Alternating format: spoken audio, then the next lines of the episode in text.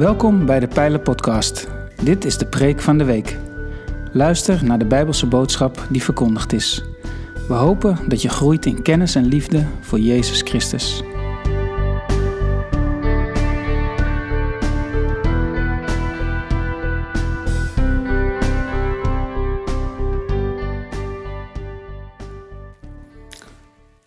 Vallen doet pijn. Vallen doet pijn. Daar hoef je geen skater voor te zijn. Iedereen is wel eens hard tegen de grond gegaan. Daar ben ik van overtuigd. Met de fiets. Misschien wel van de trap. Of gewoon terwijl je over straat liep. Je kunt je lelijk baseren. Weet je nog wanneer je voor de laatste keer gevallen bent? Jij weet het wel, ja. Was er ook iemand die jou overeind hielp? Nee? Pijn verzacht als je weet dat er iemand naar je omkijkt. Als er een persoon is die een hand naar je uitsteekt. Dat geldt helemaal als je bent gevallen in de relaties die je hebt. Door verbroken beloften. Een hulpvraag waar je geen antwoord op kreeg. Of gewoon omdat je in de steek gelaten bent door een ander. Een vriend of een vriendin. Als je op die manier ten val komt, is de pijn misschien wel intenser. En wat kun je dan verlangen naar het moment dat er iemand gewoon naar je omkijkt en zijn hand naar je uitsteekt? Een goede vriendin, een vriend, een familielid. Iemand die gewoon een tijdje naast je gaat zitten. Zonder al te veel te zeggen. Maar er gewoon zijn. Bij jou. Op de grond. Of misschien wel gewoon in de put. Samen opstaan kan altijd nog. De Bijbel die verwoordt dat heel krachtig. Wanneer twee vrienden samen zijn en een van beiden valt, helpt de andere hem weer overeind. Maar wie alleen is en ten val komt, is beklagenswaardig. Want hij heeft niemand, of zij heeft niemand, die hem op de been helpt. Dat is ook de essentie van Goede Vrijdag, lieve mensen. Jezus ervaart de moeilijkste momenten in zijn leven maar hij is beklagenswaardig, zoals niemand dat ooit is geweest of dat ooit zal zijn. Jeruzalem, de grote stad, bruist. Het Joodse paasfeest barst het weekend los. En ontzettend veel pelgrims die zijn afgereisd om het feest daar met elkaar te beleven en te vieren. Veel mensen die hebben een bed and breakfast geregeld in de dorpjes rond de grote stad. Want alles zit stampvol. Sommigen zetten gewoon ergens een tentje op. Zo ging dat. Jezus en zijn vrienden die hebben de maaltijd achter de kiezen. En de nacht die valt in. Ze verlaten de drukte van de stad en ze lopen richting de Olijfberg.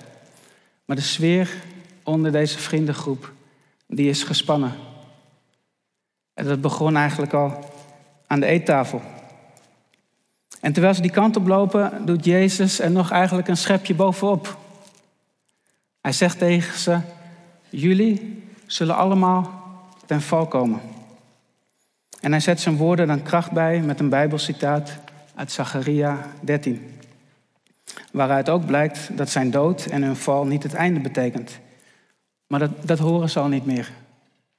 Dat horen ze al niet meer. Ze komen luidruchtig in verzet Petrus, zoals gewoonlijk als eerste. Misschien zal iedereen ten val komen, maar ik niet, met uitroepteken. En hij bedoelt het goed, maar Petrus, hij overschat zichzelf. Dat ken je misschien wel een beetje van jezelf. Gebrek aan zelfkennis. Ik herken het bij mezelf in ieder geval. Bij Jezus die doorziet het hart van zijn vriend. Zoals Jezus ieders hart, zoals we hier zitten, doorgrondt en ziet. Petrus die zal hem in de steek laten, verlogenen. Maar nu op dit moment is hij nog stellig overtuigd van zijn eigen gelijk. Zelfs de dood schrikt zijn liefde en trouw voor Jezus niet af. Zelfs de dood niet. Dat denkt hij tenminste. En alle andere vrienden die zeggen iets vergelijkbaars. En dan komen ze aan bij de voet van de Olijfberg. En daar ligt een heel klein parkje met openbaar groen. Gethsemane. En het is een plek waar ze vaker zijn geweest. Hier brengen ze de nacht met elkaar door. Maar van slapen er komt heel weinig terecht. Jezus die voelt zich niet goed. Nergens in de Bijbel is de menselijkheid van Jezus beter te zien als in deze tuin. Hij is onrustig en angstig vanwege het intense lijden dat hem te wachten staat. Omdat zijn hemelse vader hem de beker laat drinken. De beker laat drinken. Dat is beeldspraak voor goddelijke vergelding. Vergelding vanwege een diepe val die ieder mens heeft gemaakt. Jong en oud. Doelbewust en opzettelijk zijn we gestrekt gegaan. Zijn vrienden, maar iedereen hier aanwezig. Van God los. Te pletten geslagen tegen de grond. Zoals raketten het leven ontnemen van dorpen en steden waar ze inslaan. Zo maken wij, wij mensen, beelddragers van God, van onszelf en van andere mensen troosteloze ruïnes. Want wie heeft nog nooit een belofte gebroken? Wie heeft nog nooit een ander in de steek gelaten? Of de andere kant op gekeken, terwijl er een schreeuw klonk van hulp? Niet waargemaakt waar je ten diepste voor wil staan in het leven. Waar je ten diepste voor wil staan in het leven. In heel veel mensen leeft een diep verlangen naar vergeving en herstel. En soms, misschien herken je dat wel, soms is dat heel moeilijk onder woorden te brengen. Het kan het onderbuikgevoel zijn dat wel eens ongevraagd bij je naar boven borrelt. Dat de dingen in je leven of in het leven van de mensen die je lief hebt niet zo zijn zoals je voelt dat ze zouden moeten zijn. Jezus die heeft de vaste overtuiging in die tuin dat hij de weg is naar dat nieuwe leven. Dat zijn doorboorde hand de enige hand zal zijn die mensen kan helpen opstaan op een manier zoals niemand anders dat kan. En daarom moet die beker door hem gedronken worden. Helemaal leeg. Ook al maakt die gedachte hem diep bedroefd, tot stervens toe. Tot stervens toe is Jezus bedroefd. In Gethsemane zoekt Jezus dan door het gebed de aanwezigheid van zijn hemelse Vader, van God. Petrus, Jacobus en Johannes, die neemt hij mee. Waken en tot steun zijn, alert zijn, rugdekking geven. op de berg waren zij ook al eerder bij een bijzondere ontmoeting die Jezus had met God.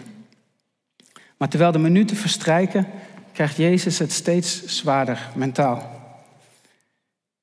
Maar zijn pijn, zijn pijn en zijn stress, die wordt niet weggenomen, die wordt niet verzacht.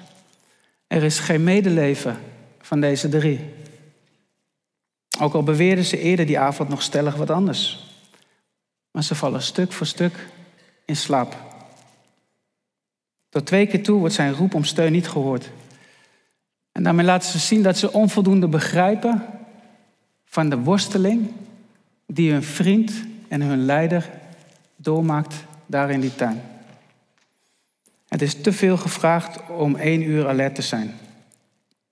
En dat is typerend voor de leerlingen. Is misschien ook wel typerend voor de kerk. De nacht is koud, donker, maar vooral eenzaam voor Jezus. Hij is alleen. Wat de vrienden. Hoe logisch zou het zijn als hij dacht: waarom zou ik zoveel verdragen voor deze ondankbare volgelingen van mij? Waarom de vreselijke toorn van God dragen als zij niet eens een uur wakker voor mij kunnen zijn? Om een rugdekking te geven. En toch is hij vastberaden om die beker te drinken. De enige persoon die zelf nooit gevallen is. In moreel opzicht, hoe die zich verhoudt tot andere mensen, maar ook in spiritueel opzicht, hoe die zich verhoudt tot God. De enige persoon die zelf nooit gevallen is, laat zichzelf vallen in een diepte die wij nooit kunnen peilen. Die wij nooit kunnen peilen. Verbijsterend. Ik vind dat verbijsterend. En waarom doet Jezus dat? Waarom doet hij dat? Het is liefde voor zijn vrienden. Het is liefde voor zijn vijanden. Liefde voor de wereld. Liefde voor jou. Voor jou. Voor mij. Liefde die je motiveert om deze weg te gaan. En het is door zijn val dat een ieder die dat gelooft op zal staan in nieuw leven. Amen.